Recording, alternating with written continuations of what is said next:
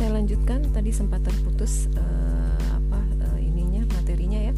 Jadi uh, kesimpulan atau secara garis besar tentang pembelajaran akidah yang bisa kita ambil dari kisahnya Siti Hajar yang melakukan proses uh, apa tadi ya terakhir saya menjelaskan tentang proses uh, ikhtiar Siti Hajar akhirnya mendapatkan uh, hasil ya dari Allah berupa air yang terpancar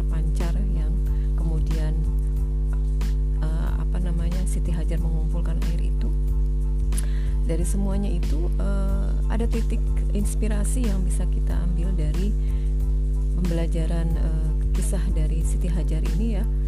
Dari untuk pendidikan adalah bahwa keterkaitan antara proses ikhtiar ya proses belajar proses bekerja itu memang tidak semata-mata uh, hanya uh, apa semata-mata karena orientasi dari uh, diri kita gitu ya dari dari apa yang kita ikhtiarkan ya.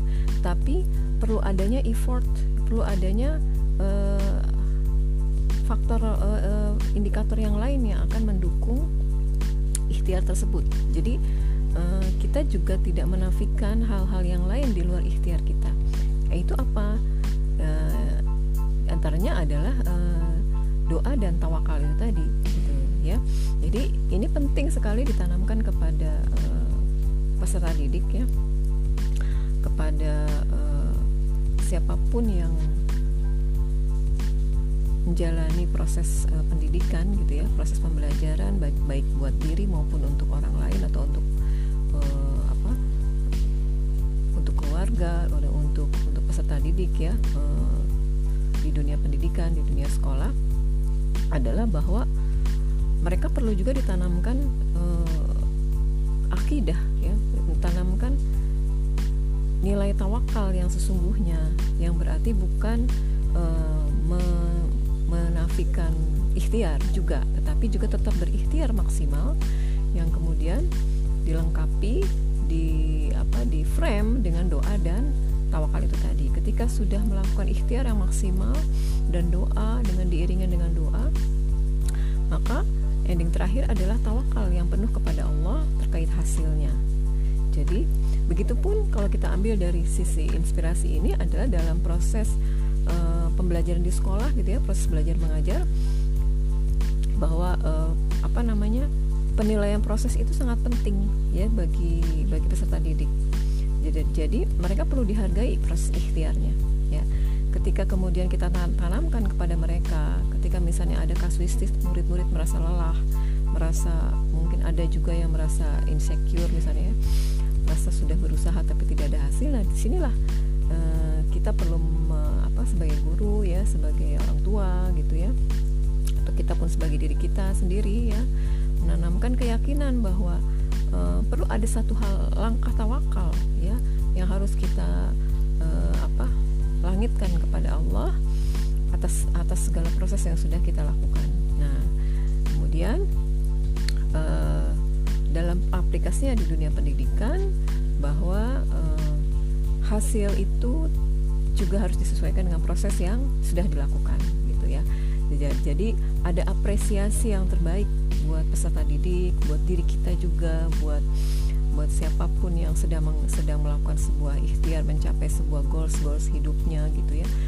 Yang yang semua itu akan memberikan semangat, yang memberi akan memberikan lagi uh, motivasi gitu ya untuk menjalani kehidupan ini, untuk menjalani proses pendidikan, proses pembelajaran, proses perbaikan diri uh, sehingga tidak uh, apa namanya tidak stuck ya tetap terus dinamis ya tetap terus dinamis uh, apalagi di era sekarang di era disrupsi sekarang di era yang era baru sekarang bahwa uh, apa namanya perlu diiringi dengan energi dan semangat yang kuat gitu ya. Tidak hanya sekedar uh, ikhtiar tok gitu ya ikhtiar semata ya.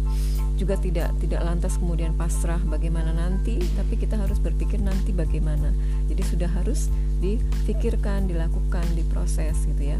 Um, mengenai hasilnya ada dua hal dengan doa dan tawakal supaya uh, apa yang kita harapkan bisa terwujud. Kalaupun tidak tercapai kita ada kekuatan energi tawakal itu kepada Allah karena uh, apa namanya dengan kita berpasrah kepada Allah maka apa pun yang terjadi Allah akan memberikan keterangan ya.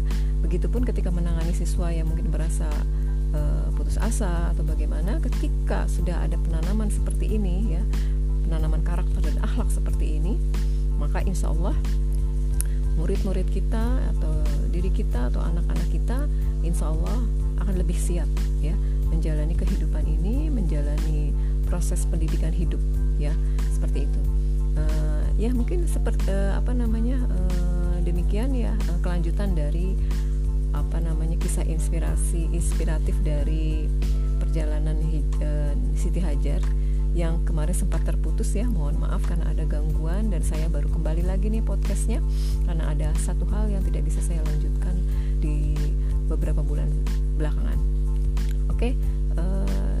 cukup sekian untuk episode pendidikan akidah dari yang kita ambil dari kisahnya Siti Hajar dan Nabi Ibrahim. Semoga bermanfaat.